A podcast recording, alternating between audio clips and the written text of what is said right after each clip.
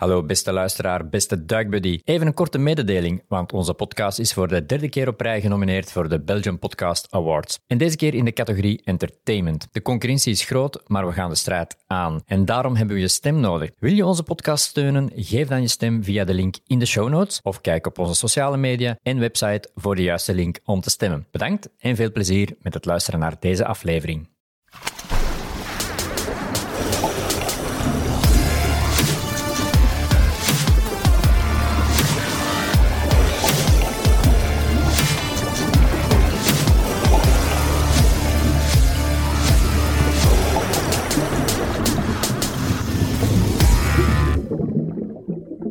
Het gaat snel, want wij hebben ondertussen al 27 afleveringen gemaakt van onze podcast, dus dit is dan ook logischerwijze nummer 28. Voor de derde keer heb ik Guy Thomas hier bij mij zitten. Het is te zeggen, hier voor mij op het scherm staan, want Guy woont en werkt in Italië bij Dan Europe en is daar Director of Safety. Ikzelf ben Glenn de Wilde en vandaag gaat Guy ons alles vertellen over hydratatie bij het duiken.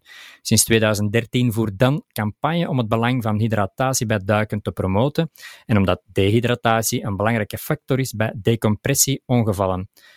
Een heel boeiend en belangrijk thema dus, denk ik. Maar Guy, een eerste vraag daarbij. Wat is uitdroging eigenlijk en hoe beïnvloedt het de duikveiligheid? Ja, dus, allereerst weer al bedankt voor de uitnodiging, Glen. En uh, ook proficiat voor jullie derde plaats tussen de sportpodcasts. de vermelding waard. Uit, uitdroging, het, het, is iets, eigenlijk, iedereen heeft er wel iets eens een keer mee te maken. het is gewoon eigenlijk een, een, een bezwarende factor voor decompressieziekte. Ik, waarom, dat gaan we zien in de presentatie zelf natuurlijk. Maar ik kan al zeggen dat eigenlijk het, uh, het gewoon eigenlijk vermijden moet worden. Zowel in het normale leven, maar zeker ook tijdens uh, de duikactiviteiten. Absoluut. Je hebt een presentatie bij, zoals uh, gewoon, gewoonlijk. Hè? Dan maak het allemaal ook heel visueel. Dus uh, voilà, ik zou zeggen, start de presentatie en we zijn heel benieuwd om meer te leren over het belang van hydratatie. Oké, okay. en voilà. Dus van Vandaag uh, gaan we het hebben over één van onze veiligheidscampagnes.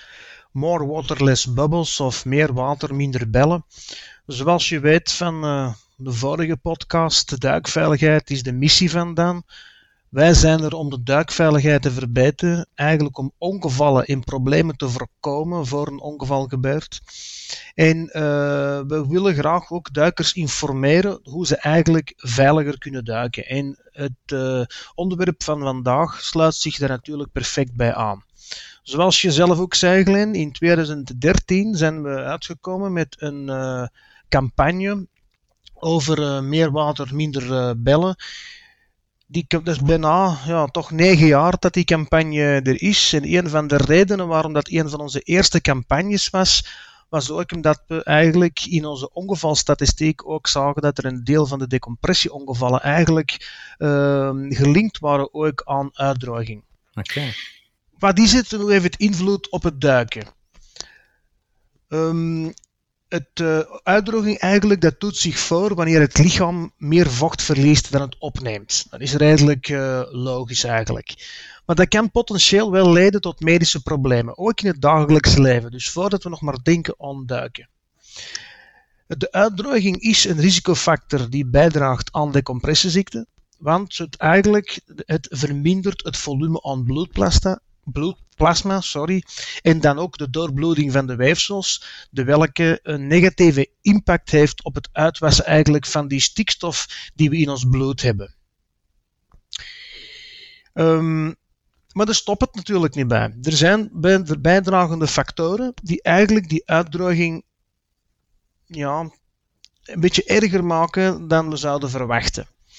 En het is eigenlijk een optelsom. Het is niet zo dat er één van die bijdragende factoren, als je dat hebt of dat je dat doet, dat je sowieso een decompressieongeval gaat hebben. Dat is natuurlijk niet zo, maar het zijn wel allemaal verschillende uh, factoren. En als we die allemaal bij elkaar optellen, ja, dan wordt dat risico dan ook weer groter op een uitdroging. Een van de, de dingen die we allemaal doen onder water is we moeten ademen van perslucht of van ademgas. En het is natuurlijk zo dat die lucht of dat gas in die duikflessen eigenlijk droog is. Die lucht is droog omdat we dan op die manier ook voorkomen dat er eigenlijk roestvorming in flessen is. Maar langs de andere kant, die droge lucht of dat droge gas eigenlijk, dat zorgt er dan weer voor dat we eigenlijk meer vocht verliezen, omdat ons lichaam gewoon vocht nodig heeft om die droge lucht te bevochtigen. Mhm. Um, dan hebben we ook nog te maken uh, met een lage watertemperatuur tijdens een duik. En daardoor moeten de longen ook nog eens gaan harder werken om de lucht die ze dan uit die fles halen op te warmen. En ook dat verhoogt weer het vochtverlies. Dus het ademen van perslucht, dat eigenlijk bewerkstelligt eigenlijk het vochtverlies al. En dat is hetgeen dat we natuurlijk constant doen tijdens de duik. Bij deze zijn dan eigenlijk uh, hybride duikers al een klein beetje bevoordeeld eigenlijk, omdat die hun uh, ademlucht dat ze, ademen al sowieso vochtiger is op deze moment. Absoluut, dat klopt. Um, dat is het, het, ademen van de perslucht, maar je hebt natuurlijk nog iets anders dat we allemaal kennen en dat we ook allemaal uh, mee te maken hebben tijdens een duik. En dat is eigenlijk die verhoogde urineproductie of die immersie-diurese. Uh, eigenlijk is het een verhoogde omgevingsdruk en een lagere watertemperatuur die eigenlijk het samentrekken uh, van bloedvaten in de ledematen uh, veroorzaakt. En al het bloed eigenlijk wordt omgeleid naar de kern van ons lichaam, zoals bijvoorbeeld het hart of de longen, ook in een poging om ons warm te houden. Als reactie daarop gaan onze nieren meer urine gaan produceren.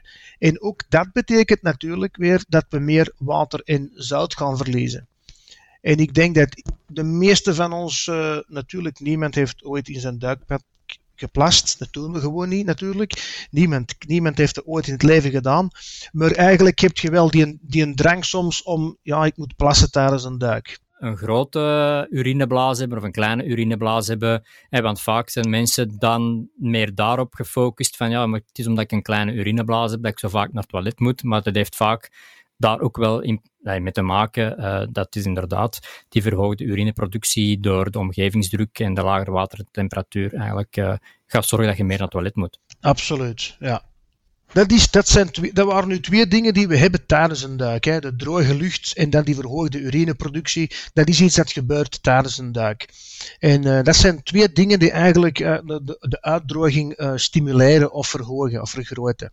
Maar er zijn ook dingen die buiten de duik zijn, die eigenlijk negatieve invloed hebben. En um, nu is het zo dat eigenlijk dit soort uh, presentatie, dat zou perfect zijn in de zomermaanden. Want iedereen, hè, het is warm dan. Het is momenteel niet zo warm in België, heb ik begrepen. Hier is het een beetje beter, maar het is ook nog niet zo geweldig uh, fantastisch weer. Maar in de zomermaanden is het warm. Iedereen wil genieten van het warme weer. Um, en de duikers, ja, die zijn ook een beetje niet iedereen, maar een groot deel van de duikers wil toch naar een warme bestemming op vakantie. Uh, ook tijdens misschien de wintermaanden, alhoewel dat het nu een beetje moeilijk is allemaal met die restricties en de beperkingen op uh, reizen en covid. Maar als je naar zo'n uh, warme bestemming gaat, dan wil je natuurlijk wel genieten van die vakantie. En um, een van de dingen die je gaat merken als je naar warme bestemmingen gaat, is dat je gaat moeten zweten. Uh, en dat komt natuurlijk door de zon, de warmte en ook de wind heeft eigenlijk een invloed op het uh, uitdrogingsproces. Uh, stel je voor dat je op vakantie bent, laten we nu maar zeggen in Egypte, en als je al zweet als je een t-shirt draagt, hè, dus in een dag je hebt een t-shirt aan en je zweet, uh, moet je maar eens rekening houden hoeveel zou je dan moeten zweten eigenlijk als je zo'n duikpak aan hebt voor een duik. Dus mensen die een duikpak aandoen voor een duik beginnen te zweten, zweten, zweten, zweten. Zweten is natuurlijk vochtverlies. Um, dan is het ook zo dat we zeggen van, oh, het is goed weer, ik ga mijn t-shirt uitdoen, ik ga me hier uh, op de boot placeren, ik ga me hier liggen, ik ga van de zon genieten, en je verbrandt dan. En als je dan zonnebrand hebt, dan verlies je weer al sneller vocht, omdat ons lichaam eigenlijk meer vocht naar die uh, verbrande huid stuurt. En dan krijgen we de wind. Nu, de wind zelf, of ook de wind eigenlijk die gecreëerd wordt door de boot die in beweging is, die zorgt er eigenlijk voor dat uw zweet of het vocht verdampt, waardoor dat er uitdroging weer al toeneemt. Het stimuleert eigenlijk, het verdampt het vocht, het verdampt vocht dat op je huid is en de uitdroging gaat sneller komen. Dat is natuurlijk miniem. Je moet niet denken dat je eigen uh, door alleen maar zweten volledig uitgedroogd geraakt. Dat is ook natuurlijk weer niet 100% waar. Maar wat er, wat er wel waar is, het zijn allemaal kleine dingetjes waarvan de som van de kleine dingetjes wel een grotere risicofactor met zich meebrengen. Dus als ik het hier begrijp, voor dat zout op je huid, sowieso altijd na een duik in zoet water spoelen. Niet alleen uw materiaal, maar ook uw, uw, uw eigen lichaam eigenlijk. Ja, ja, ja. ook, het, ook het, het, zout eigenlijk dat op onze huid komt uh, na de duik of omdat we gaan zwemmen zijn bijvoorbeeld. En zout zit natuurlijk in uh, zeewater, dus uh, dat is wel, is wel iets waar we ons dan vaak in bewegen. Dat zout dat komt op je huid, dat begint eigenlijk uit te drogen, dat gaat kristallen achterlaten. En die, die kristallen die, die halen eigenlijk ook het vocht een beetje uit uit onze huid. En dat is weer iets waar eigenlijk de uitdroging laat toenemen. Dus zweten uh, in het zeewater tezamen, dat zijn al uh, factoren eigenlijk die eigenlijk leiden dat je sneller uitgedroogd raakt. Maar dat is natuurlijk de, de omgeving. Dus we hebben nu net gezien wat er onder water gebeurt. Nu spreken we over de omgeving. En dan hebben we nog een paar van die persoonlijke dingen. en bijvoorbeeld het gebruik van medicatie is een van die dingen. Het kan zijn dat je medicijnen moet gebruiken en ik kan niet zeggen dat het uitzonderlijk is dat er medicijnen gebruikt wordt tijdens het duiken. Er zijn meerdere mensen die medicijnen gebruiken tijdens het duiken. Dat kan te maken hebben dat de mensen, de bevolking, de, de duikersgroep eigenlijk wat ouder wordt. Dus sowieso met meer medicatie is normaal. Uh, sowieso als we medicatie nemen, steeds met een duikerarts overleggen of dat kan. Maar sommige van die medicijnen hebben een vochtafdrijvend effect. En dat wil dan ook weer zeggen dat uh, er een verhoogde uitdroging gaat zijn, omdat dat water uit uw lichaamcellen wordt geabsorbeerd en eigenlijk weer gaat leiden tot die verhoogde urineproductie. Dus we krijgen ook weer een uitdroging door een soort medicijnen dat we aan het nemen zijn. En dan natuurlijk, we zijn op vakantie, we moeten ons toch uh, amuseren s'avonds. Dus s'avonds gaan we eens iets drinken. En dan alcohol uh, vaak, hè, want we willen ons natuurlijk wel, uh, we willen het beste uit onze vakantie halen. Dus we gaan s'avonds eten, we gaan iets drinken, misschien met vrienden ondereen, een duikclubreis en iedereen bij elkaar en dan een pintje, nog een pintje. Uh, maar die alcohol die heeft wel een diuretisch effect, wat ook weer wil zeggen dat de urineproductie gaat toenemen. Het, is, het, het leidt tot uitdroging. Maar ja, dan spreken we niet alleen over alcohol die, die dat diuretisch effect heeft. We hebben nog koffie en andere dranken die cafeïne bevatten, die hetzelfde effect hebben. En uh, in Egypte bijvoorbeeld, op uh, boten, zie je vaak dat ze koffie of thee aanbieden, er eigenlijk ook cafeïne in zit, waardoor eigenlijk als je er in, als je goed mee nadenkt, hetzelfde effect gaat hebben, diuretisch effect gaat hebben, dan uh, ja, hetzelfde misschien niet. Geen goed idee in ieder geval om dat uh, te veel te consumeren, zal zo zeggen. Het beste is en blijft natuurlijk water drinken, dat gaan we ze ook zien. Uh, maar het is natuurlijk zo dat je, dat wil niet zeggen dat je geen koffie mag drinken op vakantie of dat je geen alcohol mag drinken op vakantie, maar we moeten rekening houden dat hoe meer we dat gaan doen, hoe, hoe sneller eigenlijk dat we door een uitdroging gaan, naartoe gaan. Zeker en, zeker en vast hebben we dat niet compenseren met uh, water. Nog iets dat we op vakantie uh, soms kunnen, kunnen meemaken, is bijvoorbeeld uh, diarree of een ziekte. En dan denk je maar bijvoorbeeld aan uh, te braken. En dat kan dan zijn door bijvoorbeeld zeeziekte, maar misschien ook wel door te veel alcohol. Gaat je weer al meer vocht verliezen natuurlijk. Hè. Gebraakt, dus je vocht gaat weer uit het lichaam weg. De hydratatie gaat versnellen. En uh, reizigersdiarree, en dat kan dan soms wel eens zijn in bepaalde landen uh, waarbij de groenten of zoiets niet goed gespoeld worden, uh, waar dat je dan ja, jammer genoeg uh, wat last gaat hebben op je, darmen, laat ons zeggen, en dat je een grote fan gaat worden van het toilet die dag, maar die diarree die gaat ook weer eigenlijk zorgen dat je op een, een korte tijd eigenlijk heel veel vocht en elektrolyten verloren, verloren gaan. En dit is waarschijnlijk de grootste bezwarende factor. Want als je diarree hebt, gaat het heel snel.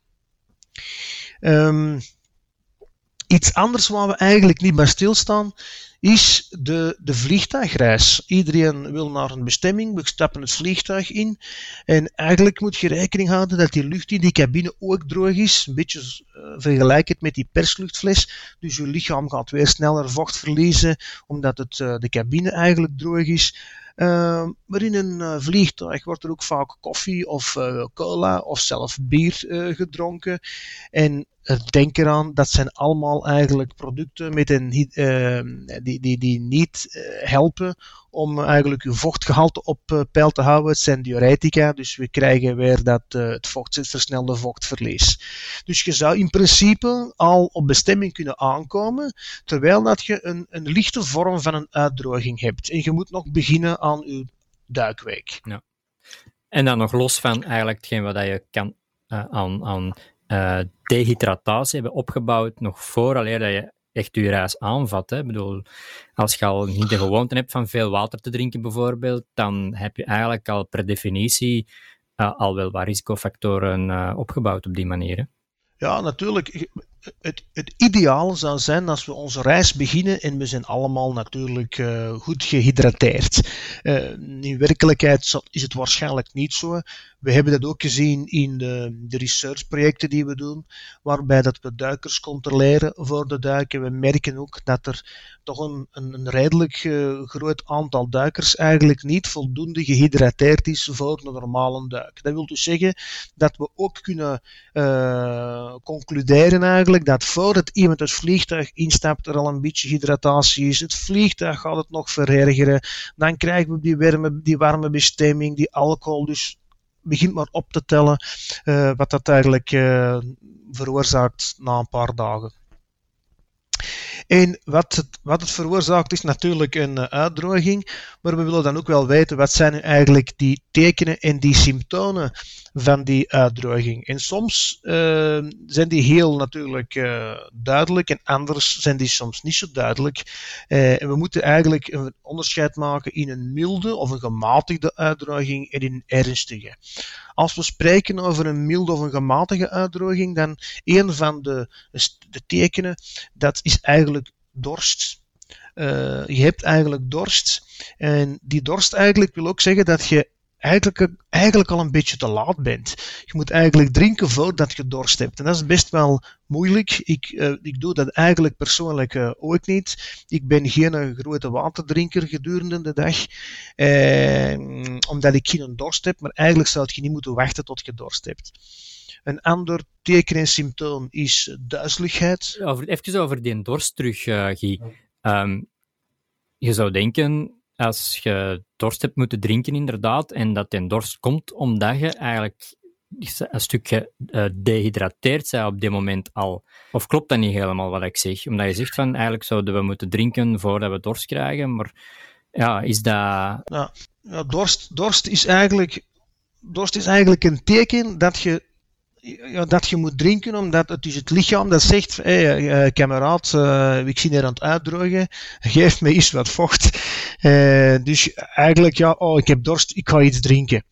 Maar de, het, het feit dat je dorst hebt, wil zeggen dat je te weinig gedronken hebt. Maar er is, zoals je zelf zegt ook, en ik ervaar het bij, mij, bij mezelf ook, ik drink ook veel te weinig water, um, omdat ik inderdaad ook geen dorst heb wil dat dan zeggen dat ik niet gedehydrateerd ben op die moment? Of is dat een andere reden? Of zit er ergens anders uh, iets? Is, is dat gewoon psychologisch bijvoorbeeld? Dat je zegt van oké, uh, mijn lichaam geeft geen teken om te drinken. Want als ik echt moet gaan wachten tot ik echt dorst heb om te gaan drinken, ja, dan zijn we drie dagen verder, bij niet van spreken. En dan lijkt mij dat het dan inderdaad echt te laat is. Ja, ik zou, ik, ik, dat is een, vraag waar ik eigenlijk niet kan op antwoorden. Dat, oh, dat zouden eigenlijk op, aan een, um, hier een fysioloog moeten vragen waarom uh, dat sommige mensen geen dorst hebben na drie dagen. Uh, ja, ik zou het niet weten. Dorst soms is ook eigenlijk die, die, die droge of die plakkerige mond die je krijgt, dat is ook dorst. Je, je, je denkt er misschien niet bij, bij na. Um, ik weet het niet. Het is een moeilijke, een moeilijke vraag. Heb je een reservevraag voor mij? nee, nee. Ik, uh, ik denk dat um, het is natuurlijk gaat waarschijnlijk wel persoonlijk zijn. Ja, maar ik denk wel, uh, voor mij persoonlijk, als ik een hele avond niet drink, ik heb s'avonds wel dorst. Het is niet dat ik kan blijven doorgaan zonder, zonder dorst te hebben. Ja, oké. De reservevraag. Um, Hoe zit het dan met de duizeligheid? Ja, ook weer als, je, als we te, ver gaan, eh, te, te veel gaan uitdrogen eigenlijk, dan worden we een beetje duizelig. We krijgen soms ook wel hoofdpijn. Dus uh, mensen die ja, een hoofdpijn, ik zou niet weten waarom, dat kan te maken hebben met dorst. Hetzelfde over spierpijnen uh, of spierkrampen, sorry, dan die droge of die plakkerige mond, dat eigenlijk heel uh, typisch is voor die, gemilde, die, die milde of die, die matige uitdroging. Er is gewoon eigenlijk te weinig vocht in de mond. Uh, een vochtverlies of uitdroging kan ook leiden tot een soort van vermoeidheid. En dan een donker gekleurde urine. een urine zou eigenlijk zo transparant, transparant mogelijk moeten zijn. Op het moment dat dat wat uh, donker gekleurd wordt, dat is eigenlijk, wil dat zeggen dat uw lichaam te weinig vocht heeft. Uh, er zijn van die van die charts, van die kleurcharts, waar je eigenlijk nog kunt zien, en dat dan gaat dan van lichtgeel tot bijna bruin, dan kun je zien of je uitgedroogd bent of niet. Het is natuurlijk het, een aanleiding. En uh, vaak mensen die s morgens naar het toilet gaan, die urine die is ook, ook meestal een beetje donkerder gekleurd. Uh, zorg ervoor dat je genoeg drinkt tijdens een dag. En als je naar het toilet gaat, die urine die moet uh, zo licht mogelijk van kleur zijn. Een ander uh, symptoom of een teken van uh, een milde of een gematigde uitdroging is eigenlijk ook dat je, ja, je moet eigenlijk niet naar het toilet, je, moet, je hebt een verminderde urineproductie. Uh, als iemand een hele dag niet naar het toilet moet, ja, dat is dat teken eigenlijk dat je lichaam gewoon te weinig vocht heeft om, om, om te gaan urineren, laten we zeggen. Dus dat is ook al een soort van uitdrogingsteken.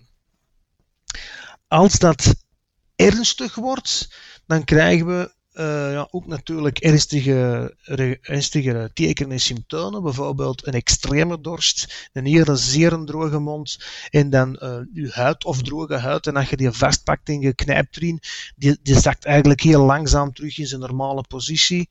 Uh, als het extreem gaat worden, dan krijgen we snelle hartslag, een zwakke pols, een snelle ademhaling dan je ogen die eigenlijk zo'n beetje ingevallen zijn, of eigenlijk die uh, geen tranen produceren of geen vocht produceren. Uh, als je niet bent gaan plassen gedurende 8 uur, dat is eigenlijk al, uh, dat gaat naar een ernstige uitdroging. Lage bloeddruk, de prikkelbaarheid, de verwarring, eventueel epileptische aanvallen een laag niveau van bewustzijn, een extreme vermoeidheid of een zwakte, dat kunnen allemaal tekenen en symptomen zijn eigenlijk van een, uh, een ernstige of een extreme uitdroging. Dat, natuurlijk niet hetgeen dat we op een duikvakantie gaan verwachten, want het, dat zijn factoren die heel, heel zichtbaar zijn, laten we zeggen. Dan kun je niet zeggen van, oh, ik denk misschien dat ik te weinig gedronken heb. Als je dat hebt, dan is er al een serieuze uitdroging. Het is vaak eigenlijk al voordat we tot die ernstige uitdroging komen, dat het eigenlijk al tot een duikongeval zou kunnen leiden. Dat van die droge huid die langzaam terugzakt uh, als je die bijeenknijpt, uh, dat is inderdaad, denk ik, ook een van de meest bekende symptomen uh, als iemand ja, vaststelt dat er een uitdroging zou kunnen zijn. Hè. Dus ja. dat is een belangrijke om in de te houden, zeker en vast. Ja, ja, maar je houdt er steeds rekening mee, uh, Glenn, we spreken over een ernstige uitdroging. En, en, je moet niet, er, het moet niet tot het niveau ernstig uh, geraken om problemen te gaan hebben tijdens een duik. Het is ervoor dat je al problemen kunt hebben tijdens de duik. Um, de meeste voorvallen van dehydratatie die zijn eigenlijk uh, mild gematigd en die worden eigenlijk gemakkelijk opgelost door meer te drinken. En je hebt natuurlijk ook de mogelijkheid om uh, oraal rehydratatiezout of ORS of een isotone sporttank te gebruiken, omdat dat ook weer het lichaam meer voorziet van zout en elektrolyten. Um, maar als er ernstige symptomen zichtbaar zijn, dan zitten we eigenlijk met een, een medisch noodgeval dat eigenlijk ook medische zorg vereist. Uh, en het is nooit niet goed dat die ernstige symptomen er zijn, want dat is een probleem voor de medische toestand van zowel duikers of niet-duikers. Dus al wat we moeten doen eigenlijk is voorkomen dat we op dat niveau van uitdroging gaan komen. Dus we moeten preventief uh, te werk gaan. De preventie van uh, uitdroging is eigenlijk relatief simpel. Uh, de meeste van ons die doen misschien een deel van die dingen al. Bijvoorbeeld uw, uw duikpak eigenlijk niet aandoen tot vlak voor de duik. Um, in, ja, ik weet het, in de Oosterschelde, in de zomermaanden, je moet een dijk over. Hè, je zult ook wel liggen zweten natuurlijk. Uh, het is misschien moeilijk om je duikpad uit, te laten op dat moment. Maar laat ons maar denken, als we naar de Malediven gaan, of naar Egypte gaan, of naar het zuiden van Frankrijk gaan, en we zitten op de boot eenmaal aangekleed en we moeten nog 15 minuten verder, of, of nog een half uur varen, eh, dat is eigenlijk te lang. Dus je kunt beter eigenlijk vragen aan het duikcentrum hoe lang dat nog duurt voordat je ter plaatse bent. Ik weet ook dat de, eh, de minder ervaren duiker, ja, die heeft zo'n beetje bang om uh, niet klaar te zijn voor de duik. Dus die wil zijn eigen al direct helemaal liggen aanpelsen. Maar niet doen met uh, dat duikpak. Ook al dat het duikpak misschien maar 3 mm is, maar als het, als het warm is, je gaat gewoon meer zweten. En als je dan in een Egypte of een Malediven zit en je doet 2, 3 duiken per dag en je zit altijd maar met dat duikpak en te zweten, dan is het natuurlijk logisch dat je meer vocht gaat verlezen. En een goede, een goede tip eventueel moest het toch zijn dat je inderdaad even uh, wat langer moet wachten uh, voor alleen echt in het water te kunnen gaan. En je voelt dat het inderdaad uh, met je, met je duikpak aan echt begint warm te worden. Ehm, elke boot heeft een douche aan boord. even dat pak open trekken, laat u eens echt wat water binnenstromen en, en probeert op die manier dan toch uw lichaam een klein beetje te laten afkoelen op die manier, denk ik dan. En drinken ondertussen. Hè. Ja, uh, ik weet niet of elke boot echt een douche aan boord heeft, want uh, in, in Italië is het meestal duiken van bijvoorbeeld Zodiac of rubberboorten, dus daar heb je dat dan weer niet. Nee, ik zat nog in Egypte altijd, dus... ja, ja, ja. ja, Oké. Okay. Um, een andere tip is eigenlijk om jezelf te beschermen tegen te veel zon of zonnebrand. En dat is iets heel moeilijk, want je zit op vakantie, je wilt van de zon genieten, maar houd er rekening mee. Uh, bescherm u dat je niet verbrand is, uh, dat je niet verbrand bent. En want dat leidt dan weer tot uitdroging, wat ik straks ook vermeld, vermeld heb. Dat, is, dat van die zonnebrand, jezelf beschermen, dat is altijd wel een lastige als duiker op, op vakanties. Hè. zeker als je een aantal duiken doet uh, dus dan zou je eigenlijk elke keer tussen elke duik in u moeten insmeren. Uh, als we dan gaan kijken naar de, de, de, de middelen die dat we hebben om ons te, tegen zon, zonnebrand te beschermen, ja, de, meeste duikers proberen dan ook te kijken dat, allee, dat toch tot een minimum te beperken, omdat dat altijd ook wel een stuk mee het water ingaat als dat op de huid hangt. Uh, wat niet goed is voor, de, voor het water, uiteraard. Dus het is, dat is een hele moeilijke, vind ik. En van mezelf zie ik dat ook altijd wel, dat dat een, uh, een issue is om te, tijdens de duiken in of tussen de duiken in op een vakantie um, die zonnebrand uh, tegen te gaan. Dus, maar op nou. zich een heel belangrijk, een heel belangrijk punt, zeker en vast het is natuurlijk niet alleen het gebruik van uh, crème dat we, de, de, waarover we moeten denken. Hè? Want uh, iemand die op vakantie gaat, die kan ze misschien ook wat meer in de schaduw zitten of uh, SPF-kleding dragen. er zijn andere mogelijkheden natuurlijk ook. Belangrijk is te weten dat als je te veel in de zon gaat en je hebt de kans op zonnebrand, dat dat een negatief effect kan hebben op de uitdroging. Je moet eigenlijk ook uh, vermijden of uh, misschien beter uh, het alcoholgebruik matigen. Maar dat is hetzelfde voor de cafeïnehoudende dranken, dus niet alleen alcohol. Het is geen slecht idee om je eigenlijk af te spoelen na elke duik met zoet water, zodat die kristallen van je huid zijn, indien dat mogelijk is natuurlijk. En je zou dan ook moeten overwegen om uh, voedsel te eten dat een hoog watergehalte heeft, zoals fruit en groenten. Maar je moet dan weer oppassen dat die groenten wel gewassen zijn, want anders heb je weer diarree en dan zit er niks verder natuurlijk. En afhankelijk van land uh, tot land. Maar het belangrijkste is eigenlijk water drinken. En uh, het advies is dan ook om elke 15 tot 20 minuten een glas water te drinken vlak voor de duik, in de plaats van 1 liter in, een liter in één keer. Want een liter in één keer dat gaat er eigenlijk alleen maar voor zorgen dat het uh, vocht niet opgenomen kan worden door het lichaam. En eigenlijk gaan we dat opnieuw uh, urineren, laten we zeggen. Um, dus zorg ervoor dat je misschien een paar keer drinkt om, om de 15, 20 minuten, zodat je dat niveau van die uitdroging een beetje onder de, uh, ja, hoe moet ik het zeggen, onder controle houdt. Dat je niet alles uitdrinkt en dan ook weer alles uiturineert. Dus eigenlijk frequent, meer frequent, kleinere hoeveelheden is eigenlijk in het algemeen beter dan um, ja, om x aantal keren in een dag maar uh, een keer een grote hoeveelheid water ja. te drinken. Ja als je een grote hoeveelheid water in één keer gaat drinken, dan gaat eigenlijk alleen maar uh, sneller moeten naar het toilet gaan. En dan gaat alles terug uh, uiturineren. Dat is de bedoeling niet. Dus buiten het lichaam die, die vocht, dat vocht kan absorberen.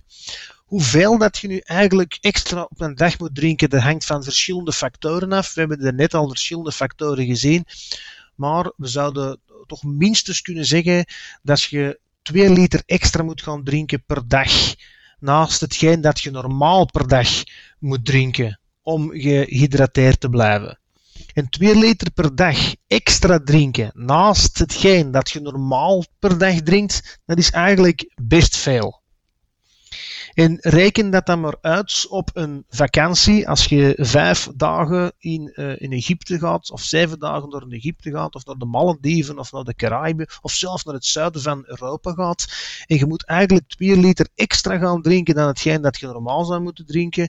Uh, dat is heel veel. En als je elke dag dat gaat optellen, dan gaat je ook zien dat je gedurende die week, als je niet die extra hoeveelheid water drinkt, eigenlijk steeds meer en meer uitdroogt. En dit was het stuk over de, het uh, voorkomen van uh, dehydratatie. Dan kwam, zijn we eigenlijk ook aan het einde van uh, deze presentatie. Deze presentatie ging over een van onze veiligheidscampagnes. We hebben er natuurlijk andere. We hebben uh, de campagne over propellerongevallen, over luchtkwaliteit, over oorproblemen, dat ook een, um, of dat eigenlijk het meest voorkomende duikongeval is, de, de problemen met de oren. We hebben een campagne over de oudere duiker en dan de campagne over het niet vermist raken die we verleden keer uh, gezien hebben. Dat wil zeggen en, dat we nog uh, um, heel wat mooie onderwerpen hebben die dat we kunnen gaan aansnijden, zeker en vast. Um, en inderdaad, de campagne More Water, Less Bubbles, uh, dat zegt eigenlijk alles. Hè. Ja, en uh, ik, dank u, ik dank u weer al, uh, Glenn, voor de goede zorgen. Heel graag gedaan. en, ik, en ik hoop dat we dan, ik weet niet veel wanneer, volgend jaar misschien, want het is, het is vandaag midden december bijna. Dus dat we volgend jaar misschien opnieuw elkaar kunnen zien hè, in de podcast. Zeker en vast. Uh, laat ons zeggen dat we dat uh, een keer samen bekijken en de agendas daarvoor samen nemen. En dan kunnen we een keer kijken om nieuwe dingen in te plannen. Perfect, Guy. Dankjewel voor de heel mooie uiteenzetting. En, een onderwerp waar daar eigenlijk niet heel veel kan over verteld worden, maar best wel heel interessant is om ja, toch wel wat details te weten en vooral de belangrijkheid daarvan in te, uh, in te schatten. En uh, dat toch zo'n beetje um, bewustwording kan uh, creëren bij de duikers en bij onze luisteraars uiteraard. Um, dus wat? Water drinken, heel veel water drinken en voor de rest heel veel genieten van vakanties en het mooie weer als we gaan duiken natuurlijk. Hè. Heel hartelijk bedankt nog eens, Guy. Wat hebben we van jullie nodig als luisteraars en kijkers? Wel reviews uh, in je favoriete podcast-app. Uh, en in het bijzonder op uh, Apple Podcasts. En vergeet zeker ook niet te abonneren op ons YouTube-kanaal. Steunen kan altijd via PayPal. De link daarvoor kan je vinden op onze website en in de show notes. Of koop gewoon iets uit onze merchandising webshop en dan maak je meteen ook mee reclame voor onze podcast. Feedback en vragen die komen bij ons terecht via podcast@thepolygonseahorse.be. Uh, en op Facebook en Instagram zijn we te vinden als The Polygon Seahorse. Dit was nummer 28. We zijn er opnieuw op vrijdag 31 december. Ja, ja, op Oudjaarsdag met een special over Bonaire met Zack en Lucia van Technical Diving Services. Zet ook alvast in je agenda dat we op 5 en 6 februari aanwezig zullen zijn op Duik Vaker, waar we op beide dagen een live podcast gaan opdoen, uh, opnemen, tenminste met ons vaste panel en enkele interessante gasten. Maar meer hierover binnenkort. Nogmaals bedankt, Guy, en tot binnen twee weken.